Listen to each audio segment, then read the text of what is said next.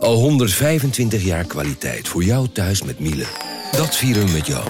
Ontvang nu tijdelijk een cashback tot 125 euro op veel Miele-apparatuur. Geniet van de kwaliteit van Miele. Voor perfect verzorgd wasgoed en kleding die veel langer mooi blijft.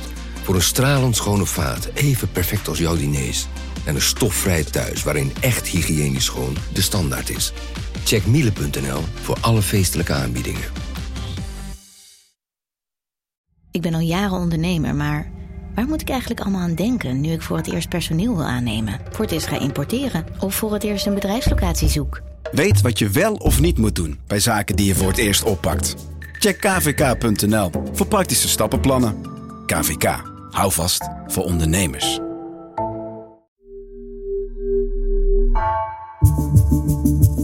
Vanaf de redactie van NRC het verhaal van vandaag. Mijn naam is Floor Boon.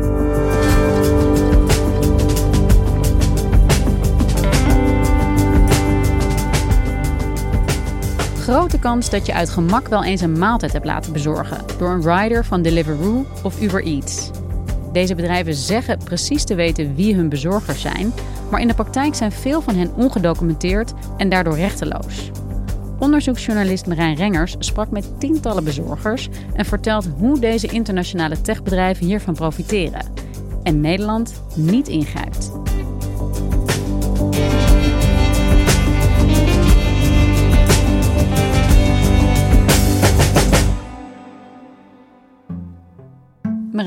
Maaltijdbezorgers zijn ja, misschien wel niet meer weg te denken uit het straatbeeld tegenwoordig. En er is ook veel bericht, ook in NRC, over de misstanden erbij. Vaak onderkant van de arbeidsmarkt, uh, schijnconstructies, van alles. Wat heb jij hier nog aan toe te voegen? Nou, ik dacht ook dat ik alles wel wist over de maaltijdbezorgers.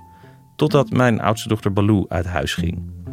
En ik op de trap tijdens de verhuizing haar buurman tegenkwam. En ik raakte met hem aan de praat. En hij vertelde dat hij werkte als maaltijdbezorger. Dat was hij in de coronatijd gaan doen, omdat hij toen zijn andere werk niet kon doen. En hij zei, ik heb een aantal dingen gezien, je gelooft je oren niet. Dus we zijn we koffie gaan drinken. En toen vertelde hij dat er de misstanden eigenlijk veel groter zijn... en veel schrijnender en veel ingewikkelder dan we tot dat moment wisten. Hij vertelde vooral dat er heel veel ongedocumenteerden werkten als maaltijdbezorger. Dus dat er grote groepen mensen uit Albanië, uit India, uit Pakistan, uit Bangladesh naar Nederland zijn gekomen om hier zonder papieren te werken voor Uber Eats. Dat is de eh, dochter van het grote Amerikaanse Uber. En voor Deliveroo. En die een truc hadden bedacht waarmee ze konden werken voor die platformen. En dat ben ik samen met mijn collega Carola Houtkamer van de onderzoeksredactie gaan uitzoeken. Dus jullie zijn onderzoek gaan doen. Wat hebben jullie gedaan? We hebben echt ouderwets journalistiek handwerk verricht. Dus we zijn heel vaak gaan rondhangen op plekken waar veel bezorgers te vinden zijn. In Amsterdam, in Utrecht, in Nijmegen. En we hebben zo in totaal met een man of zestig gesproken.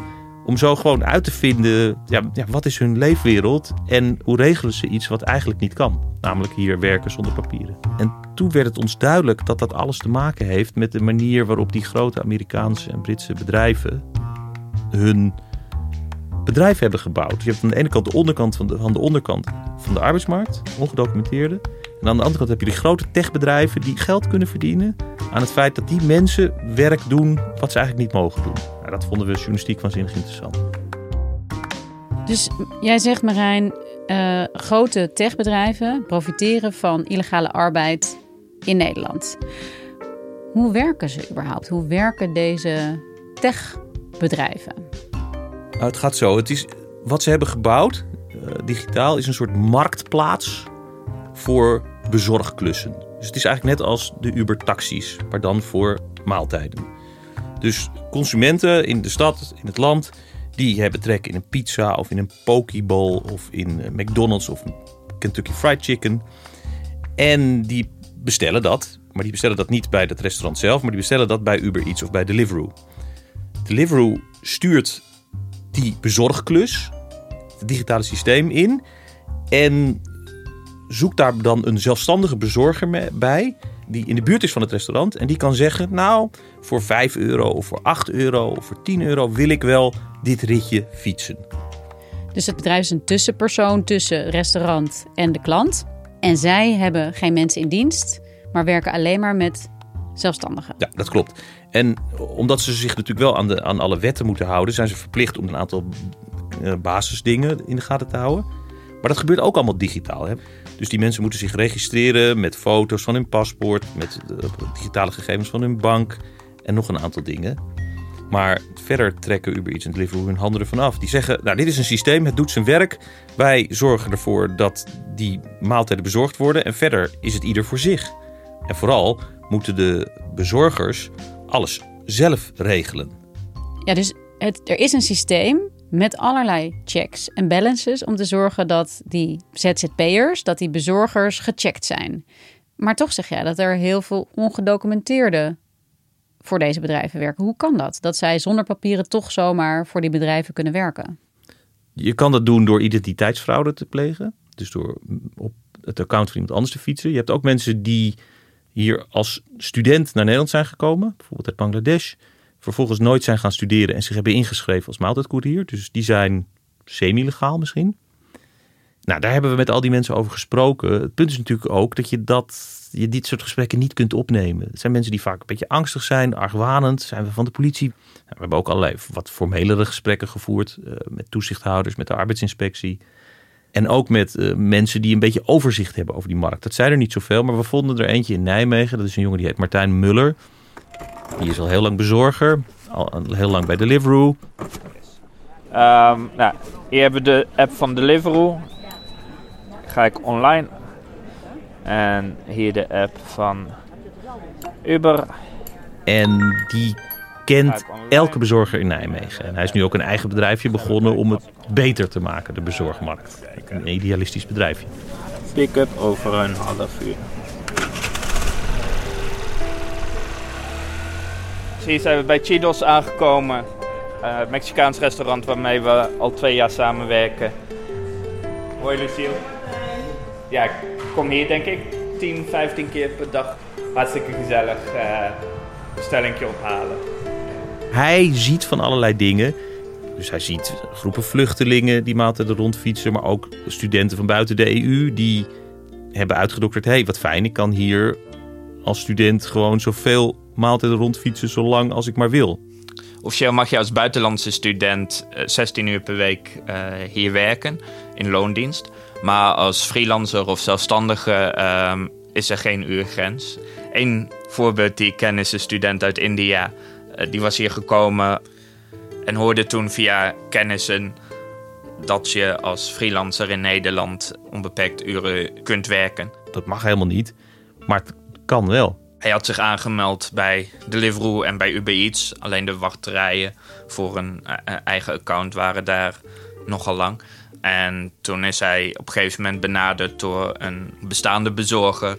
Die gewoon een legitiem account had. Van hey, wil je voor, geloof, 300 euro per maand mijn account huren? Nou, het verhuren van accounts waar Martijn het over heeft, dat zie je heel vaak. Ja, want hoe werkt dat? Hoe moet ik me dat voorstellen dat je een account verhuurt? Nou, jij registreert je met jouw paspoort en met jouw bankrekening bij Uber Eats bijvoorbeeld. Vervolgens ga je naar iemand toe en je zegt: Wil jij niet voor mij fietsen? Dan moet je mij 100 euro per uh, week geven, bijvoorbeeld. En dan geef ik jou, betaal ik jou uit wat jij ophaalt met al die ritjes. Het is helemaal niet zo ingewikkeld. Bij, bij Uber is het zeg maar zo dat als je in wilt loggen, dan krijg je soms random de vraag van hey, om gezichtsherkenning uh, uh, een check te doen. En er is eigenlijk geen consequentie aan verbonden als je die niet doet. Anders dan dat je niet kunt inloggen. We spraken een Albanese jongen, Sala, bij de Albert Kuip in Amsterdam. En die zei: wat hij dan doet, is vervolgens uh, zijn telefoon uitzetten. Zodat het niet opvalt dat hij niet inlogt. Dan fietst hij heel hard naar degene van wie hij dat account huurt. De telefoon gaat weer aan. Diegene laat zijn gezicht zien aan de digitale herkenningssoftware van, van Uber Eats. Die zegt: Oh, prima, Henk. En uh, daarna gaat fietszalen weer verder. Dus het is een hele eenvoudige identiteitsfraude in feite. Met een digitale foto of iemand waar je naast staat. Dit gaat allemaal digitaal. Er komt geen mens aan te pas. Er komt geen mens aan te pas.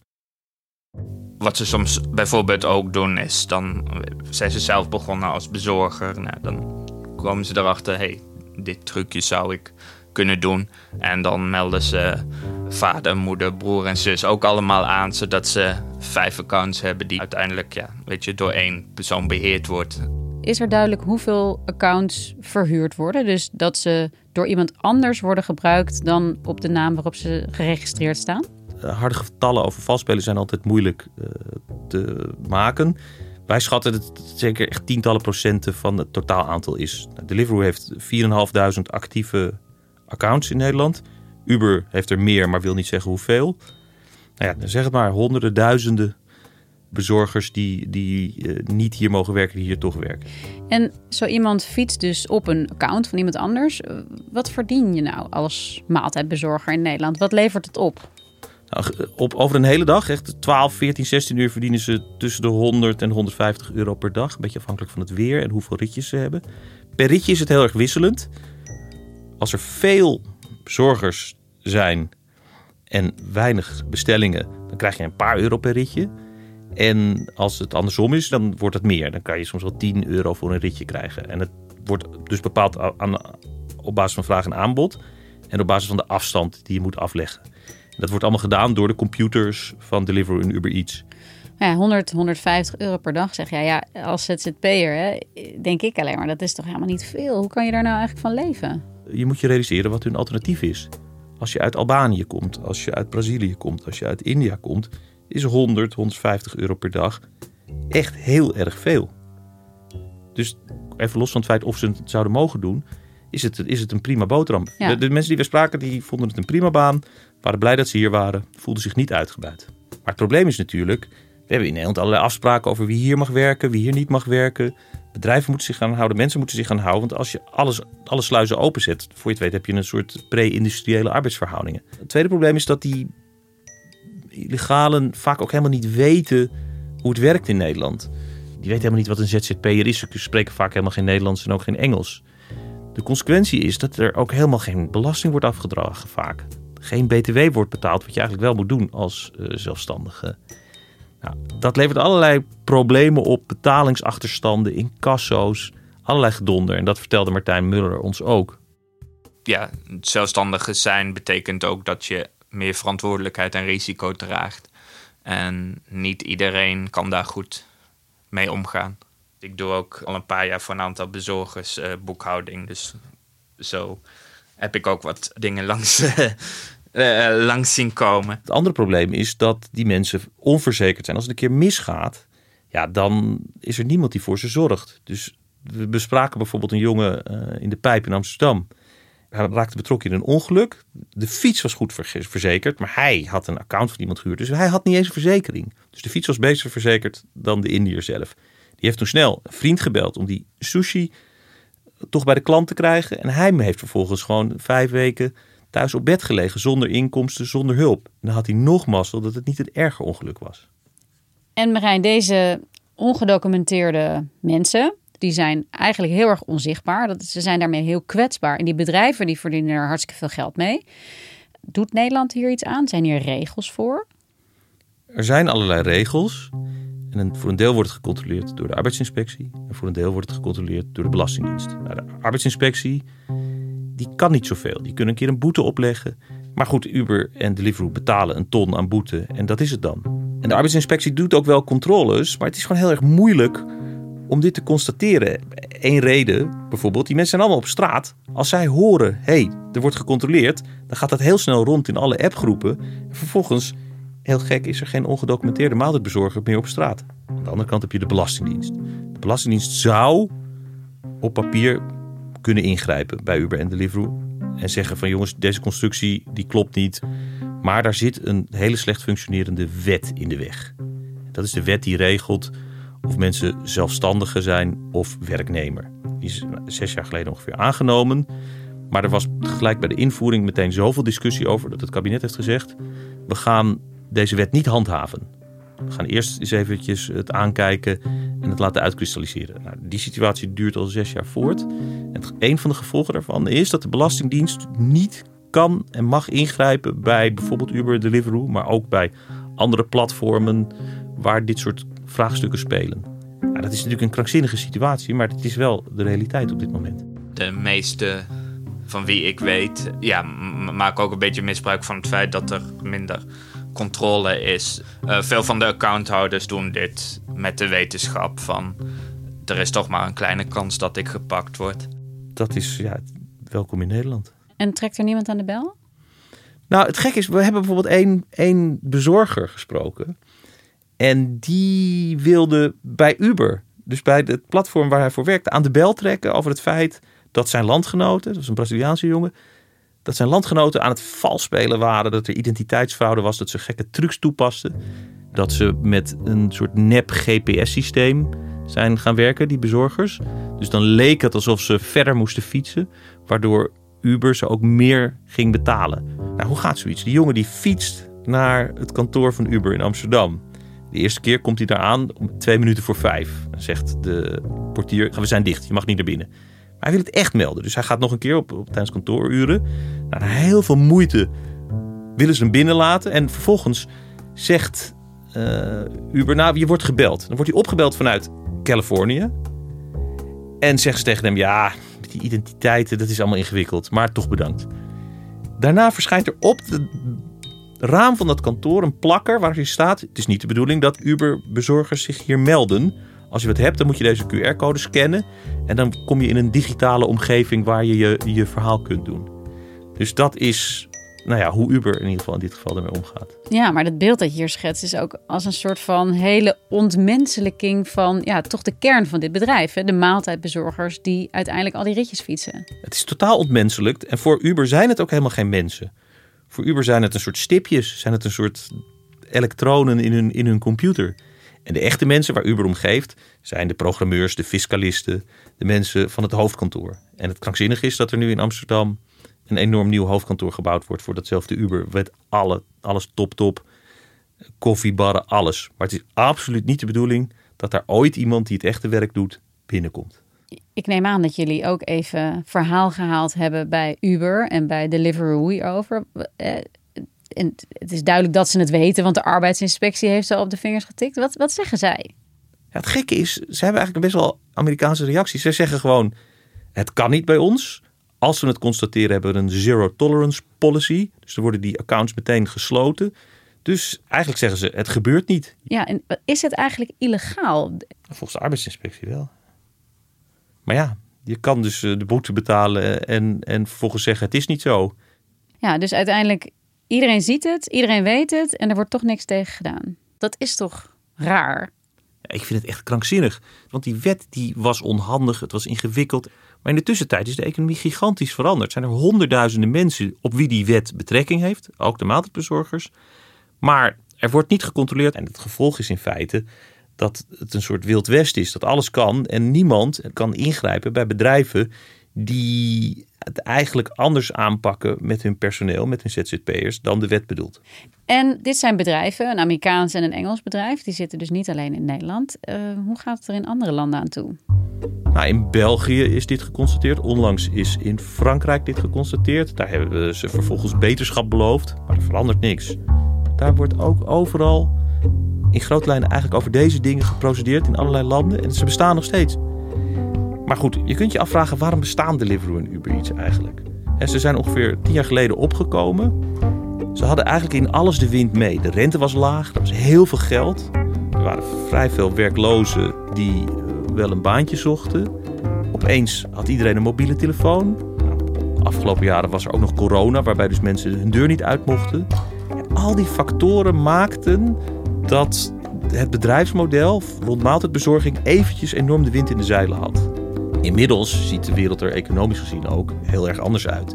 Er zijn een aantal factoren veel minder uh, gunstig voor de maaltijdbezorging. Ja, want ik kan me wel voorstellen dat er iets gaat veranderen nu. Hè? Ik bedoel, uh, juist met inflatie, grote crisis, dat uh, ja, het bezorgen van een maaltijd is gewoon een luxe product. Dat is het eerste wat je schrapt als je je energierekening nauwelijks meer kunt betalen. Totaal. Nee, je ziet bijvoorbeeld, Deliveroo heeft deze zomer aangekondigd dat ze uit Nederland gaan vertrekken. En ze moeten meer geld betalen aan de bank. Ze hebben klanten die minder maaltijden bestellen. Ja, op een gegeven moment keert de wal het schip. Maar dus niet omdat de overheid of de arbeidsinspectie ingrijpt, maar gewoon omdat de economie verandert.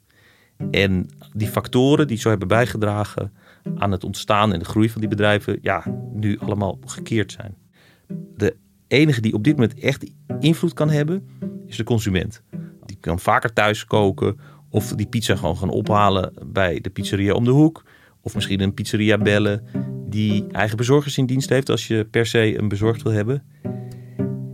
Mensen realiseren zich niet dat als ze een pizza bestellen via Uber Eats of Deliveroo, dat ze dan in feite bijdragen aan een systeem waarbij grote buitenlandse techbedrijven geld verdienen aan uh, ongedocumenteerden die die maaltijden rondfietsen. En als je nog wat verder doorredeneert, kun je je ook afvragen of het erg is als Deliveroo en Uber Eats verdwijnen. Als ze niet meer maaltijdbezorging aanbieden. Dan verdwijnt er in feite een gemaksproduct dat we ook niet echt nodig hebben. Dankjewel Marijn. Graag gedaan Floor.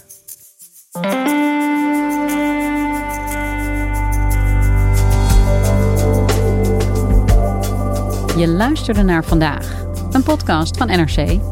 Eén verhaal, elke dag. Deze aflevering werd gemaakt door Esme Dirks en Jeroen Jaspers. Dit was vandaag. Maandag weer.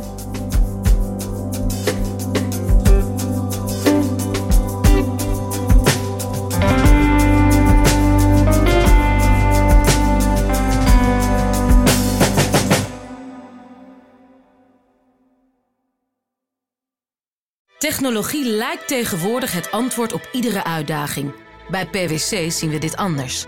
Als we de potentie van technologie willen benutten, kunnen we niet zonder een menselijk perspectief. Human-led, tech-powered noemen we dat. Ga naar pwc.nl.